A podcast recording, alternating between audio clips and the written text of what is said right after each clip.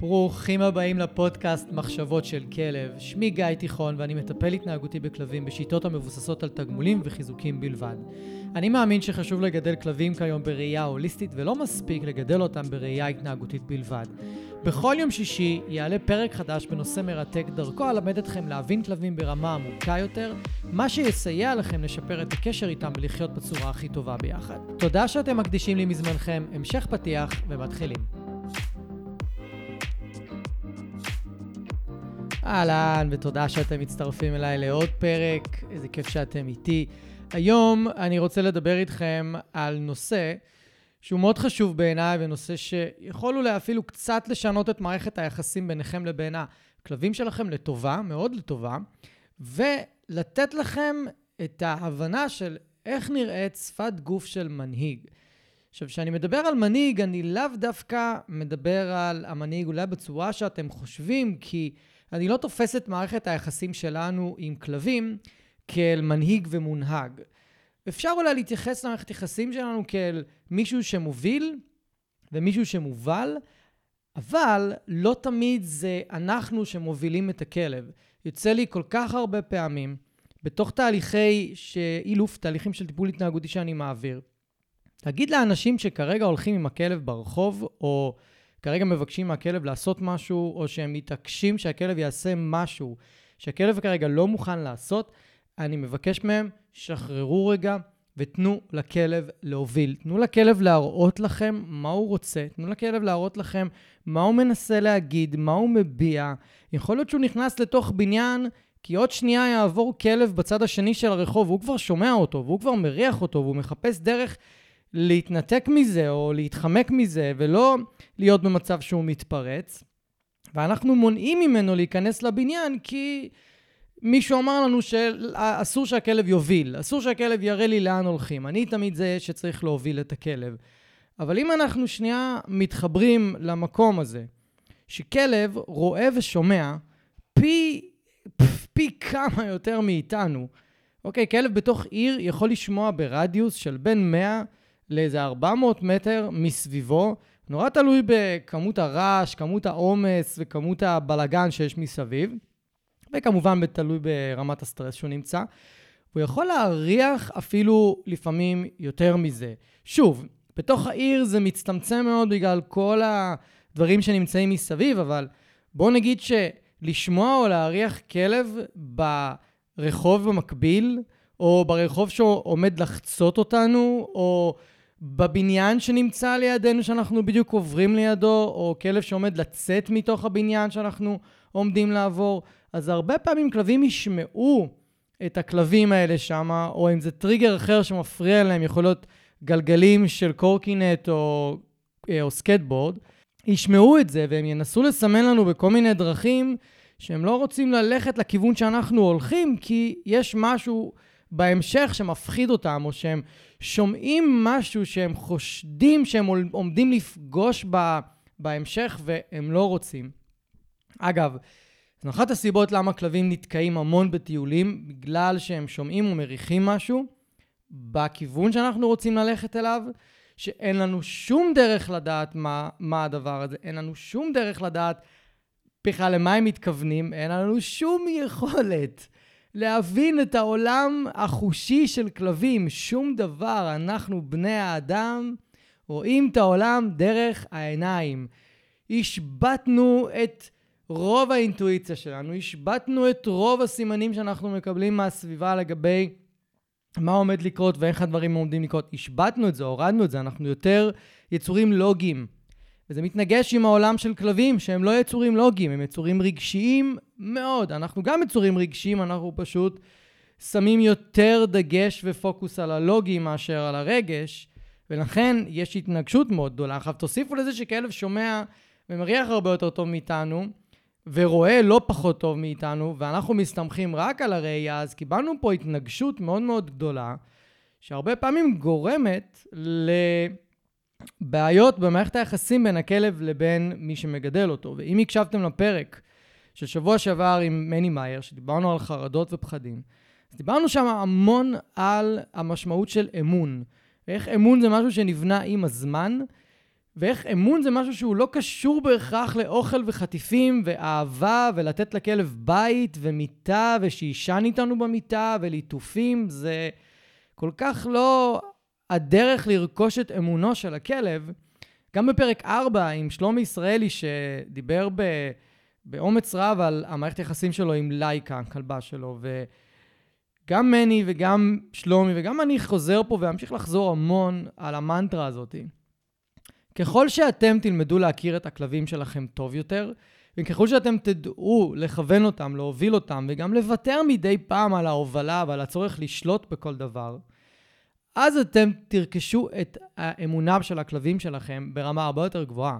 אני גם יכול להגיד את זה מניסיון אישי, בעבודה שלי עם כלבים. זה בכלל לא אישו של אם אני ארכוש את האמון של הכלב, זה רק שאלה של מתי, אם אני אמשיך לעשות את הדברים שאני מדבר עליהם כאן. אוקיי? זו לא שאלה של אם, אלא שאלה של מתי. והרבה פעמים לאנשים יש חוסר סבלנות די גדול בהקשר הזה של מתי. אוקיי? הם רוצים את זה הרבה יותר מהר. הם רוצים שהאמון יקרה כבר עכשיו. במיוחד אנשים שאני מגיע אליהם ועברו כבר הרבה מאוד עם הכלב שלהם, במיוחד במיוחד אילופים מבוססים על ענישה וכוח והפחדה ואיומים. הם הבינו שזו לא הדרך שמתאימה להם ולכלב שלהם, הם החליטו לעשות את השינוי ואת הסוויץ', והם ייכנסו לתהליך, ואחרי שבוע, שבועיים, שלושה, ארבעה אפילו, אפילו חודשיים, יגידו לי, תשמע, גיא, אנחנו עושים את כל מה שאתה אומר לנו, ועדיין ההתקדמות היא נורא איטית, זה מרגיש כאילו אנחנו לא מתקדמים, זה מרגיש כאילו אין שינוי. אבל הכלב לא יכול לעשות את הסוויץ' הזה בדיוק כמונו. הוא לא יכול. לפעמים יש כלבים שלוקח להם לעשות את הסוויץ' הזה חצי שנה עד שנה. אני פגשתי כלבים שלקח להם המון זמן לעשות את הסוויץ' ולהגיד לעצמם ולהאמין למה שהם רואים וחווים בעולם שלהם, שהם רואים וחווים יום אחרי יום, שהאנשים שמגדלים איתם מתנהגים בצורה שונה, מגיבים בצורה שונה, עושים את הדברים בצורה שונה איתם, ועדיין לא עושים את הסוויץ', הם עדיין לא מצליחים, אני מדבר על הכלבים, עדיין לא מצליחים לשנות את ההתנהגות שלהם בהתאם, הם עדיין לא מאמינים, זה כאילו הם מחזיקים שם איזשהו מקום, איזשהו חלק בהם, שמאמין שבכל רגע אנחנו יכולים לעשות את הדברים שעשינו איתם בעבר. ככל שהדברים האלה נתפסים בעיני הכלב כיותר מאיימים, ויותר מפחידים, ככה יהיה לו יותר קשה לשחרר את המקום הזה. עכשיו, תגידו לי, זה מזכיר לכם מישהו? זה לא מזכיר לכם את בני האדם? זה לא מזכיר לכם את עצמנו? האם לנו אין מקומות שבהם אנחנו מחזיקים חזק דברים שמפחידים אותנו, דברים שקרו לנו והפחידו אותנו ויצרו איזושהי צלקת ויצרו צורת חשיבה שונה עבורנו? ואנחנו לא משחררים אותם, ואנחנו זקוקים להמון זמן כדי לשחרר אותם. וזה לא משנה שהסביבה מסביב, מסביבנו, חברים, משפחה, אומרים לנו, תקשיב, אנחנו לא חווים את, ה, את החוויה שלך או שלך, אנחנו לא חווים את העולם כמוך. וזה בדיוק העניין. קשה לנו לפעמים להבין איך החוויה נתפסת בעיני בן אדם שעוד מסוגל לדבר איתנו, וקשה לנו לפעמים, למרות שהוא מסביר לנו, לנסות ולהבין מה עובר עליו. אנחנו לא מצליחים להבין למה הוא מתנהג בצורה שהוא מתנהג, למה החוויה שלו היא כל כך קשה. אז על אחת כמה וכמה, כשאנחנו באים לטפל בכלב שלא יכול להגיד לנו, אז הרבה יותר קשה לנו לפעמים להבין מה עובר עליו, אבל אנחנו פשוט יכולים להסתכל על ההתנהגות שלו ולראות מה עבר עליו. ככל שההתנהגות היא יותר קיצונית, יותר חריפה, יותר משוגעת, יותר היסטרית, אנחנו יודעים שהכלב עבר איזושהי חוויה מאוד קשה, וזה יכול להיות מהיעש שהוא היה גור, וזה יכול להיות בתקופה שהוא אצלכם, וזה יכול להיות בתקופה שלו אצל מישהו אחר, או בעמותה, או, או איזשהו אירוע בודד כמובן. זה, אנחנו יכולים לקחת את זה למלא, למלא מקומות. לפעמים, אנחנו לא אוהבים לחשוב על זה, הכלבים שלנו יכולים לחוות את אותה חוויה, לאו דווקא משהו מכם. אולי הם הותקפו על ידי כלב בגינה, אולי הם הותקפו על ידי כלב באמצע הרחוב משום מקום. אולי איזה קורקינט כמעט ודרס אותם, או דרס אותם, או, או משהו כזה. אנחנו לא יודעים איך הכלב מקבל את הדברים האלה, הם לא אומרים לנו, אנחנו לא יכולים לדעת, אבל אנחנו יכולים לראות לפי ההתנהגות איך הכלב שלי מקבל דברים? איך הכלב שלי חווה את העולם הזה? האם הוא חווה את העולם הזה בצורה קצת טראומטית, בצורה קצת חרדתית, וכל דבר הופך להיות אישו, או הרבה דברים הופכים להיות אישו עבורו? או האם הוא מחליק את הדברים האלה? אני יכול לתת לכם דוגמה, שרוני הכלבה, אחת הכלבות שלי, היא יכולה לקחת דברים מאוד מאוד קשה. היא כלבה סופר רגישה, אני צריך להיות מאוד זהיר איתה כל הזמן. היא, חיה איתי כבר 15 שנה ואני סופר זהיר איתה. לעומתה, גילי, שאני מספר עליה הרבה בפודקאסט הזה, הייתה כלבה מאוד מאוד מאוד יציבה. מאוד יציבה. לא משנה כמעט מה קרה מסביב, זה לא ערער את הסנטר שלה. וככה זה כלבים, ככה זה אנשים. ואתם, חשוב שתכירו את הגוון הנפשי הזה, את הגוון ה... את, את האופי הזה של הכלב שלכם, את הטמפרמנט שלו, מה, במה הוא מסוגל לעמוד ומה הוא לא. וזו נקודה מצוינת רגע לחזור אחורה. כי דיברתי על זה שאולי אתם עשיתם את הסוויץ', אבל הכלב שלכם לא. עדיין לא יותר נכון. וסביר להניח שזה אומר דבר מאוד מאוד מאוד בסיסי ומאוד פשוט.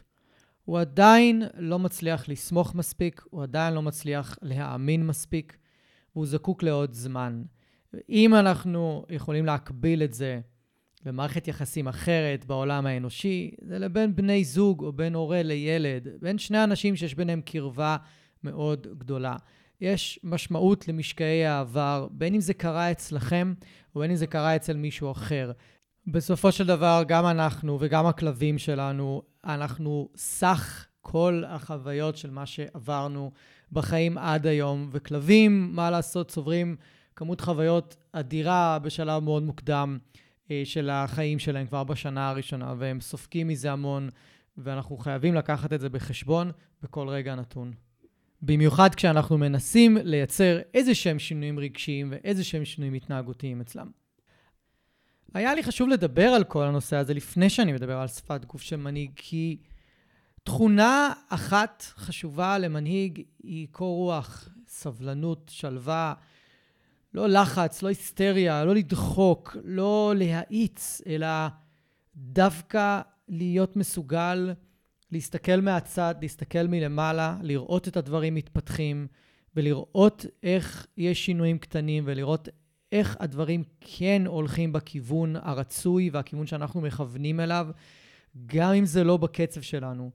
אוקיי, סבלנות וקור רוח זה באמת מה, מהתכונות הכי חשובות שאנחנו יכולים לאמץ לעצמנו, במיוחד אם יש לנו כלבים חרדתיים, שבוקר אחד הם קמים שמחים ובוקר אחר יכולים לקום מדוכאים לגמרי, ממש מין ups and downs כאלה, ובמיוחד אם יש לנו כלבים ריאקטיביים שבכל טיול יכולים להשתולל לגמרי, ואנחנו מוצאים את עצמנו לפעמים חסרי אונים, מוצאים את עצמנו עצבניים ולפעמים כועסים, ולפעמים אין לנו כבר כוח ולא בא לנו יותר, ולמה אני צריך את זה.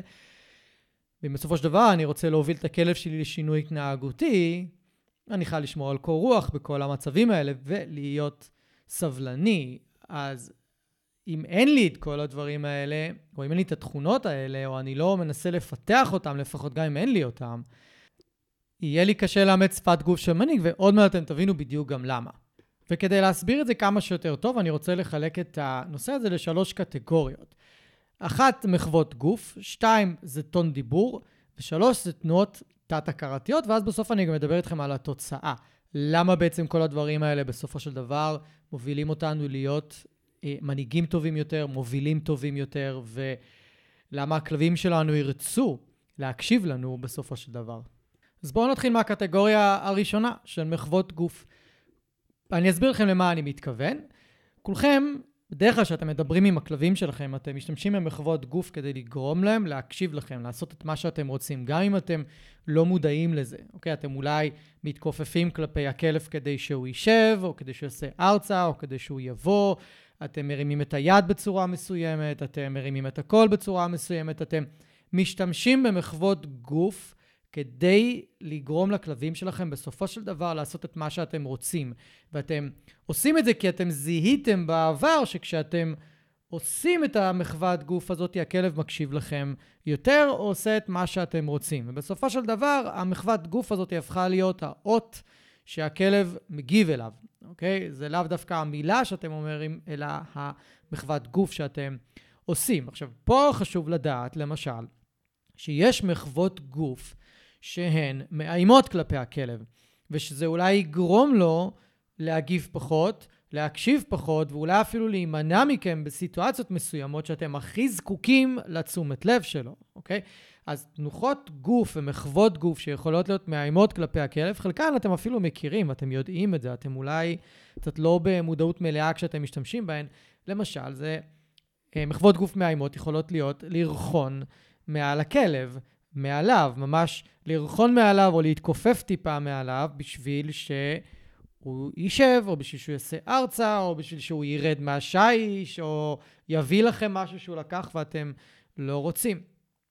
אה, יכול להיות שאתם מושיטים אליו יד בצורה מאוד מאוד מהירה, ומנסים לתפוס אותו, מנסים להזיז אותו, זה גם, זה איזושהי מחוות גוף, זה משהו שאתם עושים כדי לגרום לכלב לעשות משהו. אתם לא עושים את כל הדברים האלה סתם כי בא לכם, אוקיי? אתם עושים את כל המחוות גוף האלה ואת, ה, ואת הפעולות האלה רק בשביל שהכלב יגיב אליכם ויעשה את מה שאתם מבקשים. וזו יכולה להיות תנועת יד מאוד חדה, מהירה, כמו שאמרתי, או תנועת יד מאוד עצבנית, שיכולה גם לתפוס את הכלב, או גם יכולה פתאום להזיז אותו, או לגעת בו בצורה מסוימת. כל המחוות גוף האלה בסופו של דבר מייצרות שפת גוף שהיא מאיימת, שפת גוף שהיא מרחיקה. המחוות גוף האלה גורמות לכלב לחשוש להיות במרחב האישי שלנו, וזה משהו שהוא מאוד מאוד חשוב, במיוחד אם אתם מתמודדים עם תוקפנות כלפיכם בתוך הבית, או אם אתם מתמודדים עם ריאקטיביות לכלבים או לאנשים, ואתם צריכים להיות קרובים לכלב שלכם בסיטואציות האלה. ומה שאני למדתי לראות זה שככל שהכלב חווה מאיתנו יותר ויותר מחוות מאיימות, שפת גוף מאיימת, וחווה מאיתנו איום על בסיס קבוע, גם אם זה איום קל, אגב, ושוב, אני מזכיר לכם, זה הכל בתפיסה של הכלב. זה לא משנה מה אתם חושבים על מה שאתם עושים, ואיך אתם תופסים את מה שאתם עושים. זה בעיקר משנה איך הכלב תופס את הדברים האלה. ואני שמתי לב שככל שהכלב תופס את השפת גוף שלכם ואת המחוות גוף שלכם כיותר מאיימות, ובזמן לחץ ובזמן סטרס אתם עומדים קרוב אליו, הוא הרבה יותר לחוץ, ויש כלבים, בודדים אמנם, אבל יש כלבים באחוז שאגב הולך ועולה, שהם עלולים להסתובב ולנשוך או את הרצועה או את היד שלכם או את הרגל שלכם בזמן שהם נמצאים בסטרס. למה? כי הם גם זוכרים שבסיטואציות האלה אתם עלולים להיות יותר מאיימים, או אתם עלולים להיות יותר מפחידים, או אתם עלולים להגיב בצורה שהיא לא נעימה להם, או מפחידה להם, או, מכ... או מכאיבה להם. והם ינסו לעצור אתכם, אוקיי? ומספיק שהם יזהו איזה רכינה קלה מעליהם, או התקרבות אליהם, או הידוק של הרצועה, או שליחת יד כדי ללטף אותם, או כדי לנסות ולהרגיע אותם. זה הכל תלוי מה היה בעבר. אז אם הכלב חווה בעבר כל מיני מחוות גוף מאיימות, הוא יכול לפרש כל תנועה קטנה שלכם, גם אם לא הייתה לכם כוונה לאיים עליו, כמחוות גוף מאיימת, ואז הוא עלול להגיב דווקא כלפיכם, או עלול להגיב בצורה חזקה יותר כלפי הטריגר. מבינים? אז יש חשיבות נורא נורא נורא גבוהה לאיך אנחנו אה, משתמשים בגוף שלנו ליד הכלבים שלנו. למשל, אם רוני, למש... רוני מרחרחת משהו בחוץ, אני לא יכול לגעת בה באופן פתאומי בגוף. אני לא יכול, 15 שנה היא אצלי, אני חי איתה, אולי 14, ו- ואני לא יכול. אם אני אגע בה, היא פשוט תקפוץ באוויר ו- ותיבהל. היא יודעת שזה אני, אבל... זה כנראה יושב כל כך חזק על ההתעללות שהיא עברה בשנה הראשונה לחיים שלה עד שהיא הגיעה ועד שאני חי איתה, שזה לא יוצא לה מהראש, זה לא יוצא לה מהמערכת, זה לא משנה כמה היא אוהבת אותי וכמה היא מכירה אותי וכמה היא סומכת עליי בסיטואציות האלה שאני פתאום מושיט את היד, או פתאום מתקרב אליה, או פתאום מכניס יד להסדר ראייה שלה, או פתאום מכניס את הגוף שלי לידה, יש כל מיני דברים כאלה שהיא פשוט לא התגברה עליהם. 14 שנה היא לא התגברה עליהם, לא משנה כמה אוכל נתתי לה, וכמה אני זהיר איתה, וכמה אני רגיש איתה, זה לא משנה. החוויה שנצרבה לה, מאז שהיא גורה או מאז שהייתה קטנה, מנצחת את כל ה-14 שנה שהיא איתי. אז מה אני עושה? אני זהיר, אני שם לב, אני מודע ברמה מאוד מאוד מאוד גבוהה לשפת גוף שלי לידה. אני אתן לכם דוגמה. בשנה הראשונה שלה לא היה אפשר לחייך לרוני. חיוך עם שיניים היה גורם לה להשתין מפחד. להרים עליה את הכל היה גורם לה להשתין מפחד. היו דברים אפילו קיצוניים שהיו גורמים לה לחרבן מפחד. שתבינו עד כמה זה היה קיצוני, שתבינו שהיום אם אני נוגע בה באופן מפתיע, היא מיד, המערכת העצבית שלה מיד מפרשת את זה כ- כ- כמשהו מאיים, כמשהו שהיא צריכה להיזהר ממנו. ולכן אני חוזר ואומר לאורך כל הפרק הזה, זה כל כך אינדיבידואלי לכלב שלכם, וזה כל כך כל כך משנה מה החוויה שלו, ולא משנה איך אנחנו תופסים את זה.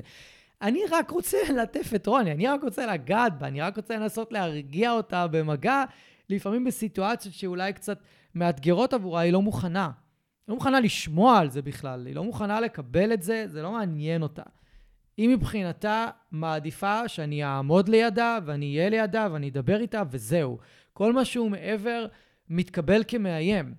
אז אני חייב כל הזמן, וגם אתם, אתם חייבים לשים לב כל הזמן, מה הכלב שלכם אוהב ומה הוא לא אוהב, ואיזה מחוות גוף הוא מפרש כמאיימת, ואיזה מחוות גוף הוא מפרש כבטוחה עבורו. אתם חייבים להיות כל הזמן במודעות מהי מחוות גוף שמאיימת, שמרחיקה את הכלב מכם, ומהי מחוות גוף שמקרבת אותו אליכם, או משאירה אותו לידכם, ולא מאיימת עליו יותר מדי. אז ציינתי מקודם, זה יכול להיות רכינה מעל הכלב, זה יכול להיות הושטת יד מהירה, זה יכול להיות מגע באזור מסוים של הגוף, או מגע באופן כללי, זה יכול להיות תפיסה אה, מהירה של הכלב, זה יכול להיות אה, תנועה כלשהי ליד הכלב, שאתם מזיזים את הגוף שלכם בצורה מסוימת, אם אתם זזים מהר לידו, או זזים לאט לידו. ואם אני עכשיו אתן את הקונטרה של מהי שפת גוף של מנהיג, או מחוות גוף של מנהיג, זה בדיוק מה שהתחלתי כבר לציין מקודם. זה קודם כל מתחיל במודעות. זה קודם כל מתחיל לצפות בכלב שלי ולהכיר אותו לעומק.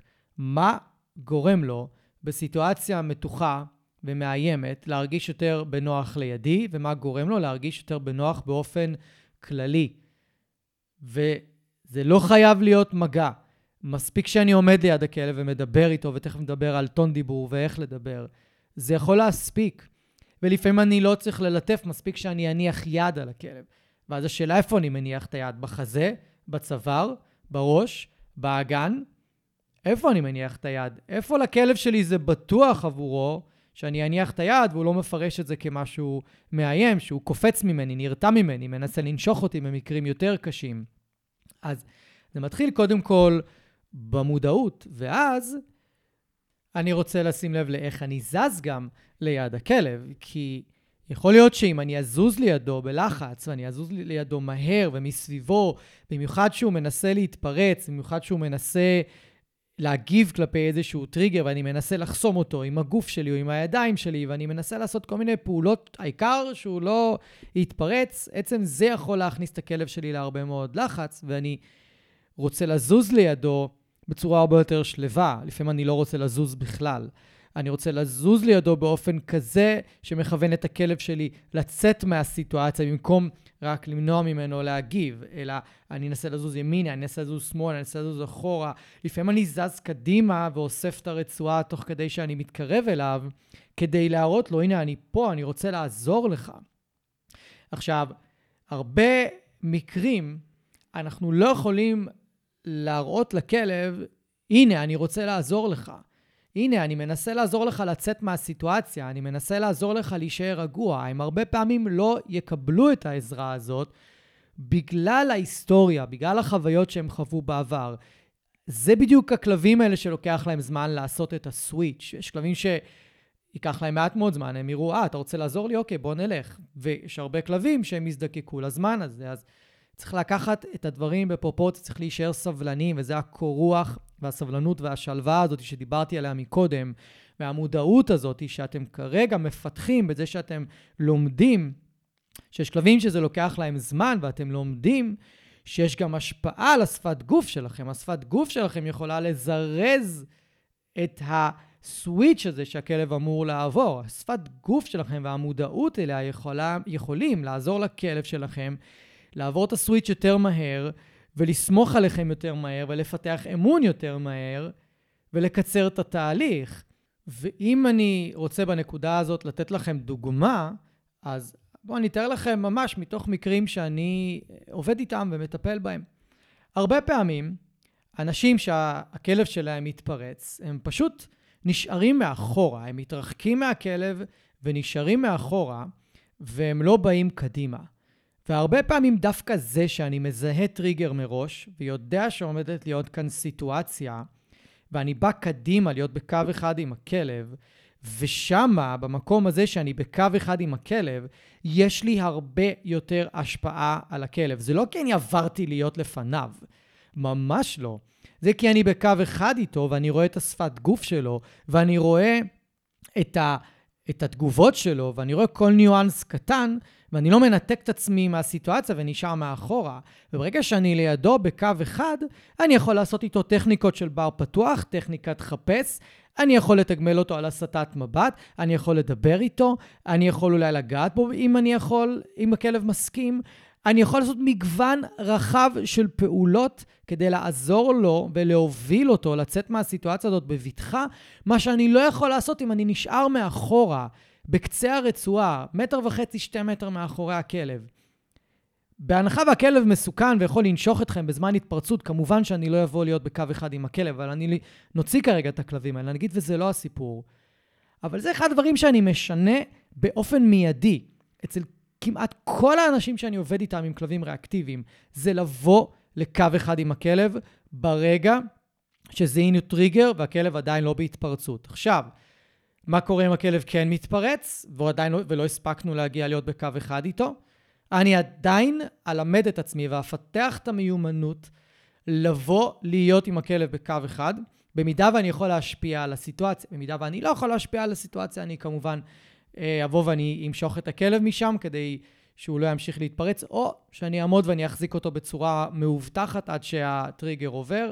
תלוי מקרה, לא ניכנס לזה כאן כרגע, אני לא אתן איזושהי הנחיה חד משמעית מה לעשות אם הכלב יתפרץ. אני התכוונתי בעיקר למצבים שזיהיתם טריגר, יש לכם זמן לבוא להיות בקו אחד עם הכלב ולעזור לו. והמגוון שאנחנו יכולים לעזור לו איתו הוא רחב מאוד. יש לנו המון טכניקות לעזור לכלב ברגע שאנחנו נמצאים בקו אחד איתו. אז זו הייתה דוגמה ממש טובה לאיך השפת גוף שלי יכולה להוביל את הכלב לצאת מסיטואציות, לעומת שפת גוף שתשאיר אותי אולי בסיטואציות האלה עוד פעם ועוד פעם ועוד פעם, ולא תעזור לי לייצר איזשהו שינוי רגשי. אני יכול לתת את הדוגמה ההפוכה.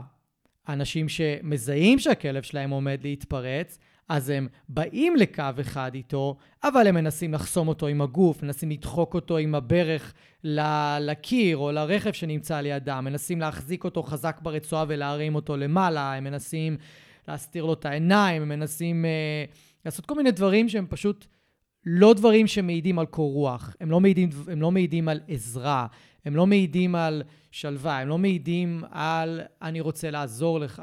אולי בתפיסה שלנו כבני אדם, כן, אבל עוד פעם, התפיסה שלי לא משנה. זה מה שמשנה, זה הכלב. התפיסה שלו היא זו שמשנה. אז אם אני עושה משהו שאני תופס אותו כעוזר לכלב שלי ובסופו של דבר זה לא, אני יודע שזה לא, כי הכלב חוזר על אותה התנהגות עוד פעם ועוד פעם ועוד פעם, זה אומר שמה שאני עושה לא עובד. אבל אם מה שאני עושה, אני שם לב שמתחיל להשפיע על הכלב לטובה, אז אני כמובן אמשיך אותו, אוקיי? אז אני אסתכל על זה מהנקודת מבט של הכלב. ומפה בואו נעבור לקטגוריה השנייה, שהיא קטגוריה לא פחות חשובה, וזה טון דיבור. הטון דיבור שלנו יכול להשפיע לטובה ולרעה גם. אז אם אני עכשיו אחלק את טון הדיבור לשלושה תתי קטגוריות אה, עיקריות, אוקיי? שלושה, שלוש, שלושה, שלוש, לא משנה, הבנתם אותי. תתי קטגוריות עיקריים, אוקיי? עיקריות. יש לנו טון דיבור מרגיע, יש לנו טון דיבור מעורר, ויש לנו טון דיבור חותך, אוקיי? אלה שלושה סוגים של טון דיבור שאנחנו משתמשים בהם בעיקר עם כלבים. כמובן שאני יכול לשחק עם הניואנסים שלהם, וכמובן שאני יכול לפתח טון דיבור משלי, שעוזר לי לשלב כמה. באמת, אם יש לכם את הכישרון לעשות את זה, לכו על זה. אבל מה שחשוב זה שתהיו מודעים לשלושה סוגים האלה. אז בואו נדבר עליהם רגע. יש לנו טון דיבור מרגיע, שבדרך כלל טון דיבור מרגיע, הוא יהיה ויישמע בצורה הזאת. אוקיי, בואו ניתן לכם דוגמה. נניח והכלב שלכם שוכב על הספה בבית, ואתם שומעים רעש בחוץ, ואתם יודעים שהוא עומד לנבוח, והוא מתחיל להתניע. הוא מתחיל לנהום, ואתם יודעים שעוד 2-3 שניות זה הולך להיות נביחות, אוקיי? אז במקרים כאלה, אני אבקש מאנשים לבדוק בתור התחלה, האם טון דיבור מרגיע יכול לעכב את ההתפרצות של הכלב בנביחות, אוקיי? וזה בדרך כלל יישמע משהו כזה. מה יש, ג'וני? אתה שומע אנשים בחוץ? אתה שומע אנשים מדברים בחוץ? זה מפריע לך? אני יודע. אני יודע. זה רק אנשים שהולכים בחוץ, אין לך מה לדאוג, הכל בסדר, אתה יכול להישאר רגוע על הספה, היית בסבבה שלך, למה לנבוח? הכל בסדר. הם עוד מעט ייכנסו לדירה שלהם, והכל ייגמר, ואתה תוכל לחזור לשכב על הספה בסבבה שלך, להניח את הראש, אתה יכול להיות רגוע. אז אם אתם שמים לב, טון הדיבור שלי הוא שקט יותר, הוא נינוח יותר, ואני מעריך את המילים, אני מעריך אותם בסוף. כי אם תחשבו רגע על מישהו שרוצה להפנט בן אדם אחר, ככה מהפנטים בן אדם, אנחנו מעריכים את, אה, את הדיבור, אנחנו מעריכים את המילה לצורה שיהיה לנו קל להרגיע אנשים, נכון? הטון דיבור הזה מאוד מרגיע, הוא לא מעורר אותנו, נכון? אז אני חייב לשמור על הטון דיבור הזה אם אני רוצה שהכלב שלי יירגע. עכשיו, זה לא אומר שזה יעצור את ההתפרצויות ב-100% מהמקרים. אני לא מאפנט פה את הכלב שלי, אבל בהחלט זה יכול לעזור לי לעכב אותו, ואז אני יכול להשתמש בטכניקות שקשורות להפחתת נביחות בבית, צמצום התגובתיות מתוך הבית, זה פשוט עוזר לי להשתמש בטכניקות, גם בשלב יותר מאוחר, אגב, אם עבדתי עם טון דיבור, פלוס טכניקות להפחתת נביחות, אני יכול מרחוק להתחיל לדבר עם הכלב שלי ולמשוך את התשומת לב שלו, והוא ידע שאני עוד מעט בא לעזור לו, כי כבר תרגלתי את זה איתו בעבר, אוקיי? אז הטון דיבור הזה יכול לעזור לי בהרבה מקרים.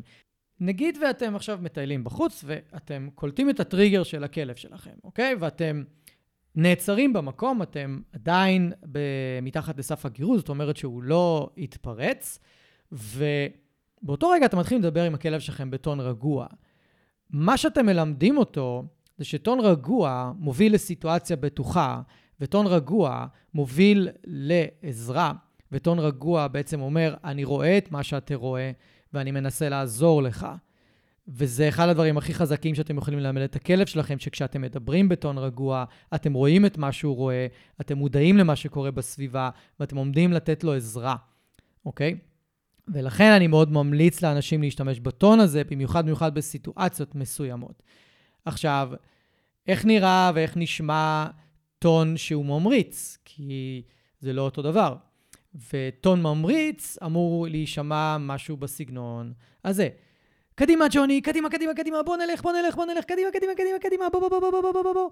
זה טון ממריץ, ואני לא אשתמש בו כמובן בסיטואציות שהכלב שלי אמור להישאר רגוע. מתי אני כן אשתמש בזה? כשאני רוצה להניע את הכלב שלי לזוז למקום אחר, שאני רוצה להניע אותו לעשות משהו. נגיד, הופיע הטריגר בחוץ, בטיול, באותה סיטואציה שתיארתי מקודם, וזה קרוב נורא, והכלב אמור...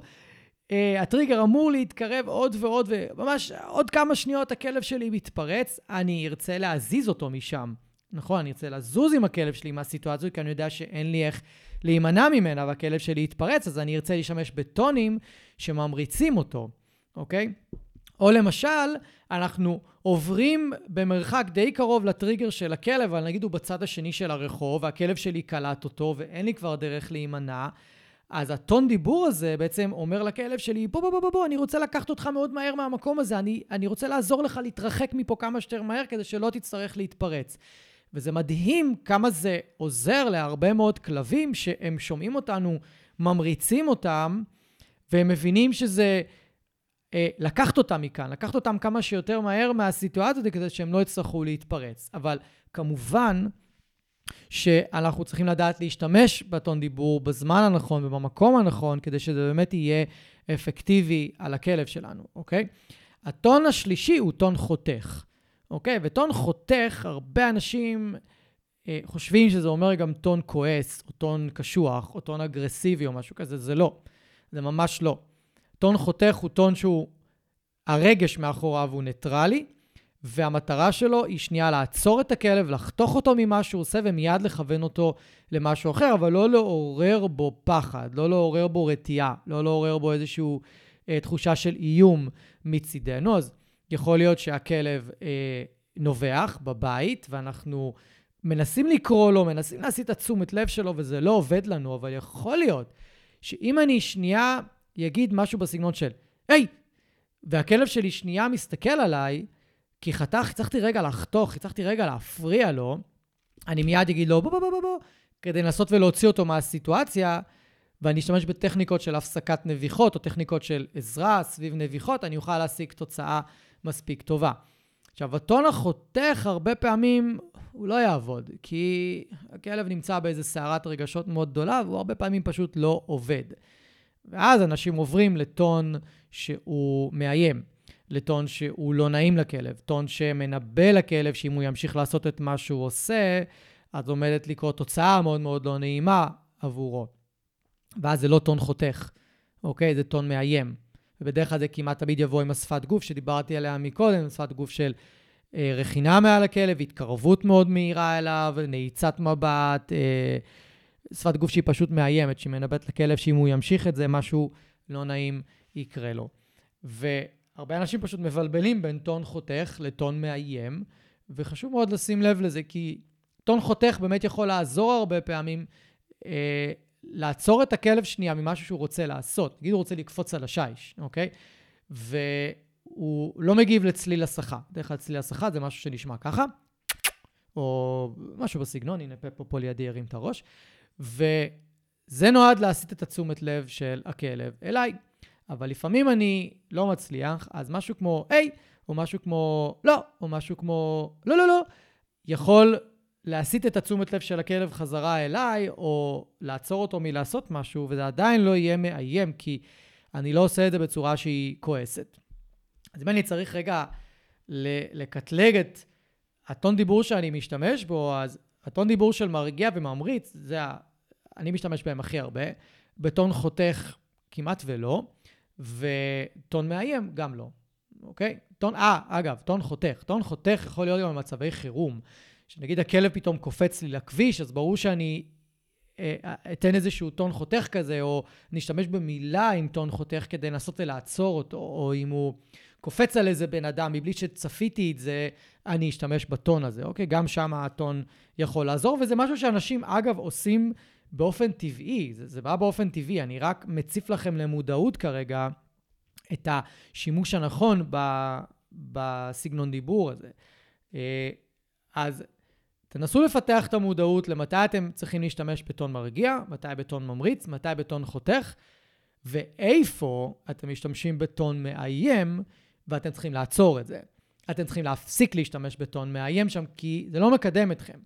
ואם אתם עדיין לא סגורים על למה, תקשיבו לפרק הזה עוד פעם, כי אני דיברתי על זה מקודם, על איך זה בעצם מנבא לכלב דברים לא, לא טובים. עכשיו, מנהיג ישתמש במה שבאמת עובד. אז אם אני שם לב שכשאני משתמש בטון מרגיע, זה עוזר לכלב שלי להישאר רגוע בהרבה מצבים, בזה אני אשתמש כל הזמן, אוקיי? אני אהיה פרו-אקטיבי. אני רואה את הכלב שלי נכנס למצוקה, אני כבר מתחיל לדבר בצורה שמרגיעה אותו, בצורה שעובדת עבורו. אני לא אדבר בצורה שלא עובדת עבורו, ואז אם זה לא עובד לי, אני אעשה משהו שיפסיק את הכלב שלי, יפסיק את ההתנהגות שלו. אני אנסה להיות פרו-אקטיבי, זה המשמעות של להוביל. אני לא אהיה ריאקטיבי לכלב שלי, יהיה לנו פרק שלם על בין להיות פרו-אקטיבי ללהיות ריאקטיבי.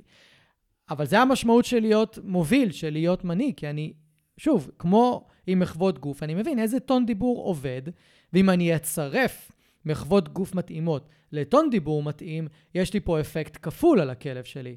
וזה מה שאני מחפש בתור אדם שרוצה להוביל את הכלב שלו להתנהגות אחרת ולהתנהגות טובה יותר ורגועה יותר. אני רואה מה עובד על הכלב שלי, וזה מתחבר עוד פעם למודעות שדיברנו עליה מקודם, שאנחנו צריכים לפתח של מה עובד ומה לא עובד, ומה שלא עובד, לדבר עם המאלף, או לקחת מאלף ולדבר איתו על זה, או פשוט לזנוח את זה ולמצוא דרכים אחרות באופן אה, אינטואיטיבי, בהתאם למה שאתם מכירים על הכלב שלכם. הקטגוריה השלישית והאחרונה שאני רוצה לדבר עליה היום זה נושא שדיברו איתי עליו המון המון המון בבית ספר לאילוף, ממש לפני 13 שנה, אולי יותר אפילו כבר, וזה תנועות תת-הכרתיות.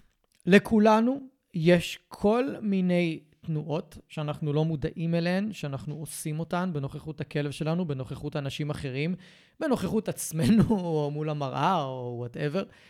וחשוב מאוד שנפתח אליהן מודעות. אתן לכם דוגמה מאחד המקרים שאני מטפל בו. הבחור שהכלב שלו מתפרץ על סקייטבורדים, כל הזמן משתמש ברצועה כדי להביא את הכלב לפה, להביא אותו לשם, לגרום לו לשבת, לגרום לו לעשות זה, לגרום לו לעשות זה. כל הזמן עם הרצועה גורם לכלב שלו לעשות דברים. ואם יש משהו שיכול מאוד מאוד מאוד להשאיר את הכלב במצב של סטרס, זה שכל הזמן מזיזים אותו עם הרצועה. במקום לקרוא לו, במקום לכוון אותו עם היד, במקום לכוון אותו עם לורינג, במקום לעשות איזושהי מחוות גוף שמזמינה את הכלב להתקרב אלינו. אלא כל דבר קטן הרצועה היא זו שעובדת. והרצועה לא אמורה לעבוד. הרצועה היא סך הכל כלי בטיחות. היא סך הכל נועדה למנוע מהכלב אה, לעשות כל מיני דברים שאנחנו לא רוצים. היא פחות נועדה לאילוף. האילוף המסורתי שמשתמש בתיקונים, משתמש ברצועה ככלי תקשורת לכל דבר. בגישה של הפורס פרי, הרצועה לא משמשת אותנו לדברים האלה. לכן, ברגע שאני רואה אנשים שכל הזמן מנהלים את הכלב דרך הרצועה, אני מפסיק אותם, אני מסביר להם איך לעשות את הדברים אחרת. ומה שאני שמתי לב, רוב האנשים שאני אשאל אותם, תגיד, שמתם לב שאתם עכשיו הזזתם את הכלב עם הרצועה? הם יגידו לי לא. שמת לב שעכשיו אתה כיוונת את הכלב לשבת עם הרצועה? הם יענו לי שלא. למה? כי זו תנועה תת-הכרתית. הם כבר כל כך לא מודעים אליה, היא כל כך אוטומטית אצלם, שהם לא שמים לב והם לא יודעים שהם עושים אותה. וזה כל כך חשוב שאנחנו נפתח מודעות לשפת גוף שלנו ולמה שאנחנו עושים כדי לראות האם זה תורם לבניית האמון של הכלב ותורם לזה שהכלב סומך עלינו, לעומת האם זה תורם לזה שהכלב רק רוצה להתרחק מאיתנו או לא להיות לידינו או שזה מפחית מרמת התשומת לב שלו אלינו, אוקיי? אז השימוש ברצועה באופן תכוף, באיך שאנחנו מזיזים את הרצועה ליד הכלב, זוהי תנועה תת-הכרתית אחת שאנחנו צריכים לשים לב אליה. והתנועה השנייה כדוגמה, כי אני יכול לתת פה אלפי דוגמאות, אבל אני אתן שתי דוגמאות, היא איך אנחנו מזיזים את הראש שלנו בטיול. לא, בעצם אני אתן עוד דוגמה אחרת. איך אנחנו מזיזים את הראש שלנו בטיול? נניח ויש לנו כלב לחוץ וחרדתי בטיולים. ומה שאני עושה, בזמן שאני הולך עם הכלב, זה כל הזמן לסרוק את הסביבה עם הראש שלי. כל הזמן מזיז את הראש שלי ימינה, שמאלה, אחורה. כל הזמן מסתכל, כל הזמן סורק, כל הזמן מנסה להבין מאיפה הטריגר הבא יגיע. עכשיו, ברור שאני ארצה לעשות את זה. אני רוצה לדעת מתי הטריגרים מגיעים כדי שאני אדע לטפל בהם מראש, נכון? זו המשמעות של להיות פרואקטיבי. אבל יש דרך אחרת לעשות את זה, יש דרך אחרת לסרוק את הסביבה. אני יכול לסרוק את הסביבה רק עם העיניים ולעשות תנועות ראש הרבה יותר עגולות, הרבה יותר עדינות והרבה יותר נסתרות. כי מה הכלב שלי חושב או לומד או מבין מזה שאני הולך איתו וכל הזמן אני מסתכל לצדדים, וכל הזמן אני אה, מחפש את הטריגר. ובדרך כלל, אגב, זה גם בא עם קצב נשימה מהיר, זה בא עם זה שאנחנו עוצרים את הנשימה שלנו כשאנחנו מזהים משהו, תגובת fight or flight טבעית, ברגע שאני מזהה טריגר אני עוצר שנייה את הנשימה, ואז אני מוציא אוויר, ואז אני נושם עוד פעם. הגוף מגיב ככה באופן אינסטינקטיבי ואוטומטי כתגובה לאיום, אוקיי? אז אם הכלב שלי רואה אותי, מסתכל על משהו ועוצר את הנשימה, הוא לא צריך לראות, הוא שומע אותי, הוא מרגיש אותי. עוצר את הנשימה, ו... מסתכל לצד השני, עוצר את הנשימה עוד פעם. אוקיי, עכשיו אני הולך איתו רגיל, קצב נשימות רגיל. מופיע משהו שהוא אפילו לא איום, אבל בזווית עין ראיתי משהו מופיע, הסתכלתי לשם, עצרתי את הנשימה. מה הכלב שלי לומד מכל זה? הוא לומד שאני לחוץ, הוא לומד שאני היסטרי. עכשיו, אני לא אומר לכם, אה, אל תהיו כאלה, כי זה נורא טבעי, במיוחד אם יש לכם כלב תוקפן וריאקטיבי שיכול לעוף מ-0 ל-100 ככה, בעניין של, של עשיריות שנייה, של שנייה. מה שאני מציע לכם כרגע, זה להיות מודעים לזה ולנסות לסגל לעצמכם דרך אחרת לסרוק את הסביבה. ודרך אחרת תהיה, התחלתי להגיד מקודם, שהתנועות ראש שלי הן הרבה יותר עגולות. או שאני רק מזיז את העיניים ימינה ושמאלה. או שכשהכלב שלי עוצר לרחרח, ובגלל זה אני, אגב, אני מבקש מהמון אנשים לתת לכלב שלהם לעצור לרחרח, כי זו ההזדמנות שלי, שהכלב לא כל כך שם לב אליי, להתחיל לסרוק את הסביבה בצורה הרבה יותר נינוחה. כי אני לא מתקדם לשום מקום, אני פשוט עומד ואני סורק ימינה ושמאלה. קדימה, אחורה, לאן שאני צריך, ואני מסתכל. אז תנועות ראש עגולות ואיטיות, הרבה יותר תנועות עיניים ופחות תנועות ראש, יעזרו לכם לייצר איזושהי תחושה עבור הכלב שאתם הרבה יותר נינוחים והרבה יותר כלילים אה, לעומת מה שאתם באמת מרגישים אולי, אוקיי? ואם אני רוצה לשדר לכלב שלי עוד יותר נינוחות, אני חייב לשים לב לנשימות שלי. אני חייב לזכור לנשום נשימות עמוקות, אני חייב לזכור להיות במודעות מלאה לקצב נשימות עמוק ונינוח ולא קצב נשימות שטחי, או, ח... או לעצור את הנשימה שלי, כמו שאמרתי מקודם, במיוחד אם אני נמצא מול טריגר. כשאני נמצא מול טריגר, אחד הדברים שאני עושה זה לנשום עמוק, זה לקחת נשימות עמוקות כדי לשדר כמה שיותר רוגע. שוב, זה לא קסם. זה לא שעכשיו הכלב שאני עובד איתו פתאום יהיה רגוע לגמרי, אבל עובדתית, כשאני לוקח כלב לידיים שלי ואני עובד איתו, הוא יותר רגוע. למה? כי אני כבר מאומן לדברים האלה. אני כבר יודע איך לסרוק, אני לא צריך להגיד לעצמי איך לסרוק, אני כבר יודע איך להחזיק את הרצועה ואיך לנהל את הכלב. אני יודע לזכור לנשום, ואני יודע איזה טכניקות יכולות לעזור לכלב ואיזה לא. אז כל האלמנטים האלה בסופו של דבר מתאספים ביחד ונותנים לכלב די מהר תחושה של, אוקיי, יש פה בן אדם שהרבה יותר רגוע והרבה יותר נינוח, והוא יודע לתפעל את הסיטואציות הרבה יותר טוב, אז אפשר לסמוך עליי יותר. מבינים? זה לא בגלל שיש לי איזשהו קסם בידיים, ממש לא. זה בגלל שאני פשוט מנוסה יותר, ואת כל הדברים שהסברתי היום, אני פשוט יודע אותם. ואני רוצה להעביר אותם אליכם, כדי שגם לכם תהיה את האפשרות לעשות את זה עם הכלבים שלכם, באופן טבעי ואינטואיטיבי, עד שזה יהפוך להיות האוטומט שלכם. אז המלצה שלי, תקשיבו לפרק הזה כמה וכמה פעמים, עד שזה יהפוך להיות באוטומט שלכם, עד שזה יהפוך להיות פנימי אצלכם, ולא רק משהו שאתם יודעים ברמת הידע, אלא משהו שאתם יודעים ברמת הגוף, ברמת העבודה עם הידיים, ברמת העבודה עם הנשימות, ברמת העבודה עם הראש, מבינים? זה אומר שאתם הפנמתם את, ה, את הדבר הזה. וטיפ אחרון, שאני לא חושב שצריך להסביר יותר מדי, כשאתם הולכים עם הכלב שלכם, כתפיים למעלה, כתפיים אחורה, תהיו זקופים, אל תלכו עם כתפיים למטה. יש לזה משמעות מאוד מאוד מאוד גבוהה, ולא אחת, ולא פעם, ולא פעמיים, ולא שלוש, אני מבקש מאנשים להזדקף כשהם הולכים עם הכלב שלהם. זה מדהים לראות איך זה מוסיף עוד כמה אחוזים לביטחון של הכלב. עצם זה שאני פשוט הולך עם כתפיים זקופות, ואני לא הולך עם כתפיים שפופות וראש שפוף, אלא אני זקוף. זה גם משמעותי מאוד בתקשורת בין בני אדם, אז מה הפלא שזה גם משמעותי בתקשורת עם בעלי חיים? אין לזה, אין לזה איום כלשהו, להפך, זה יותר משדר ביטחון, זה יותר משדר I got this, כמו שאומרים, אבל שוב, זה לא קסם, זה לא ישפיע על הכלב שלכם כמו קסם, פתאום הוא יהיה רגוע, לא, לא, לא. זה רק מוסיף עוד אחוז, ועוד אחוז, ועוד אחוז, ועוד אחוז, וזה בסוף מצטבר לאפקט. מבינים? זה לא שאם תעשו משהו אחד, זה פתאום יחולל איזה קסם. לא. אתם צריכים לעשות את הדברים בצורה מתודית, בצורה שיטתית, להוסיף עוד משהו. להוסיף עוד טון דיבור, להוסיף עוד משהו בשפת גוף שלכם, להוסיף עוד איזה מחוות גוף, להוריד איזה מחוות גוף מאיימת, להוריד איזה משהו, איזה, איזה הרגל שלכם שמאיים על הכלב. וזה בסוף מתאסף ונהיה אפקט, אוקיי? זה בדיוק העניין, ככה מייצרים אפקט. ולאט לאט האמון של הכלב יעלה, הוא יסמוך עליכם יותר, הוא יראה שהרבה יותר נוח להיות לידכם, הרבה יותר נעים להיות לידכם בסיטואציות מלחיצות, אתם הרבה יותר יודעים מה אתם עושים, ואז האמון שלו יגבר, אוקיי? אז אם אני צריך לסכם רגע, ממש בקצרה, אז השפת גוף של מנהיג, כמו שאני תופס אותה, היא מורכבת משלושה דברים עיקריים.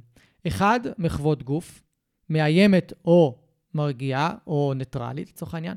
טון דיבור, האם הוא מרגיע, מעורר או חותך או כעוס, אוקיי? טון חותך וטון כעוס, ההבדל היחידי אה, ביניהם זה הרגש מאחורי. האם הוא רגש כעוס, מתוסכל, עצבני, או פשוט רגש ניטרלי, ואני פשוט רוצה שאתה תפסיק לעשות משהו. והתנועות התת-הכרתיות שאנחנו עושים ולא מודעים אליהן, ו... ואנחנו צריכים להיות מודעים אליהן. עכשיו, מהן שתי התוצאות העיקריות שאנחנו נקבל כתוצאה מזה, אוקיי? התוצאה הראשונה זה שאנחנו הופכים להיות מאוד ברורים לכלב דרך שפת גוף אחידה, עקבית וברורה. לכלבים קל יותר להתחבר לאנשים שהם עקביים וברורים, ולעומת אנשים שהם מגבבים, זאת אומרת, הם עושים פעם ככה, פעם ככה, ואי אפשר לסמוך על התגובה שלהם. אז ככל שאתם יותר עקביים ויותר מסודרים ויותר מגיבים ממקום מודע, ככה הכלב שלכם יכול לסמוך עליכם יותר, וככה יהיה לו קל יותר לעקוב אחריכם. הדבר השני שאתם אה, משיגים זה מניעת מסרים סותרים לכלב. אתם מונעים בלבול, אתם מונעים קושי ללמוד, אתם מונעים חוסר בהקשבה, אתם מעלים משמעותית, שוב, את המסר הברור, את היכולת שלכם להעביר מסר ברור. ואלה שתי תוצאות מאוד מאוד מאוד משמעותיות, כי זה פשוט מקל על הכלב ללמוד, מקל אחריו לעקוב אחריכם, ומקל עליו להקשיב לכם, ומקל עליו בהמון המון המון אה, סיטואציות והמון מצבים קשים שהוא מאוד מאוד זקוק לה, לעזרה שלכם. טוב, אני מקווה שהמידע שהעברתי לכם היום היה מועיל והיה מלמד, ואני רוצה להשאיר אתכם עם מסר ממש לסיום. אל תיתנו לזה שהכלב עדיין לא עשה את הסוויץ', עדיין לא ראיתם את ההתקדמות שאתם רוצים לראות. עדיין לא, גם אם לא, עדיין. אתם צריכים להמשיך, אתם צריכים להתמיד, ואתם צריכים להאמין שהכלב שלכם יהיה מסוגל לעשות את השינוי בדיוק כמוכם. ואני אפילו יכול להראות לכם כבר עכשיו, מבלי להכיר את הכלב שלכם, שאם אתם נמצאים באיזשהו תהליך כזה, שהקצב הוא איטי יחסית עבורכם, ו... או עבור המאלף שלכם או המאלפת, האם אין שינויים קטנים קטנים שאתם יכולים להגיד, רגע, אני רואה לפי השינויים הקטנים האלה שיש פה התקדמות. זה אולי לא הקצב שאני רציתי, אבל אני רואה התקדמות. אולי את יכולה לשים לב שפתאום הכלב מקשיב גם כשהוא מתפרץ על כלבים אחרים. הוא עדיין מתפרץ, אבל וואלה, הוא מקשיב לי כשהוא מתפרץ. הוא מצליח להתנתק יותר מהר ולהתרחק איתי, זה לא היה בעבר. כן, עדיין לא הגעתי למטרה העיקרית שההתפרצויות ירדו בצורה משמעותית, אבל אוקיי, זה איזשהו צעד קדימה, מצוין.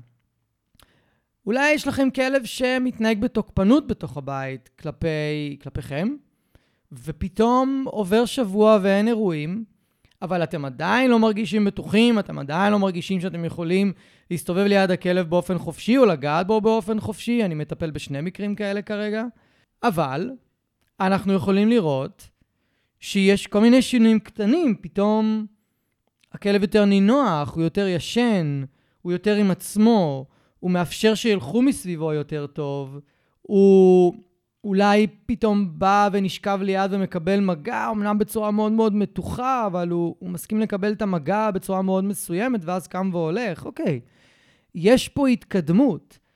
כל הזמן אתם צריכים לזכור בראש, לסוויץ' הזה לוקח זמן. בלי האמונה זה לא יעבוד, באמת, זה לא יעבוד. וזה לא משנה כמה אתם אוהבים את הכלב, וזה לא משנה כמה אתם נותנים, נותנים לו או עושים עבורו. או אפילו מוותרים עבורו. אני מכיר מקרים באנשים שעושים ויתורים כואבים עבור הכלבים שלהם, באמת כואבים, אני מעריץ שלהם. ועדיין הם יבואו ויגידו, שמע, אני עושה, עושה בשבילו כל כך הרבה, ועדיין זה... אני רוצה לראות יותר ממנו, אני רוצה לקבל ממנו יותר. אבל זה לא תוכנית כבקשתך.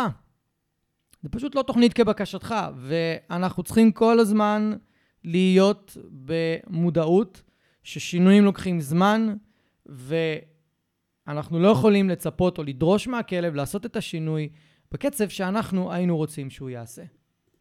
אז אם אני צריך לסכם את זה, פשוט תשמרו על האמונה שלכם ותיקחו מהפרק הזה שיש הרבה דברים שצריך לדעת על כלבים ועל טיפולים התנהגותיים ועבודה התנהגותית שמעבר לבסיס. וזו הסיבה שאתם מקשיבים לפודקאסט כנראה, כי אתם רוצים על הבסיס, אתם רוצים הרבה מעבר לזה כדי להיות כמה שיותר טובים עבור הכלבים שלכם. אני מבטיח לכם שאם אתם תמשיכו להקשיב, אתם בהכרח תהיו הרבה יותר טובים עבור הכלבים שלכם. אני רוצה להגיד לכם שוב, תודה רבה שהאזנתם. אם אהבתם ואם נהניתם, אז שתפו חברים, שתפו מכרים, בעלי כלבים, תעזרו לי להפיץ את הפודקאסט הזה, אני מאוד מאוד אשמח. ו... תעשו follow, כדי שהאפליקציה האהובה שלכם תודיע לכם. יום שישי היום, יש עוד פרק בפודקאסט מחשבות של כלב, ואני אפתיע אתכם עם נושא חדש ופרק חדש. אז אני מקווה שנהניתם היום, היה לי מאוד כיף לארח אתכם. אנחנו נתראה עוד שבוע, תהיו טובים לכלבים שלכם, תהיו טובים לעצמכם, ושיהיה לכם אחלה של סוף שבוע.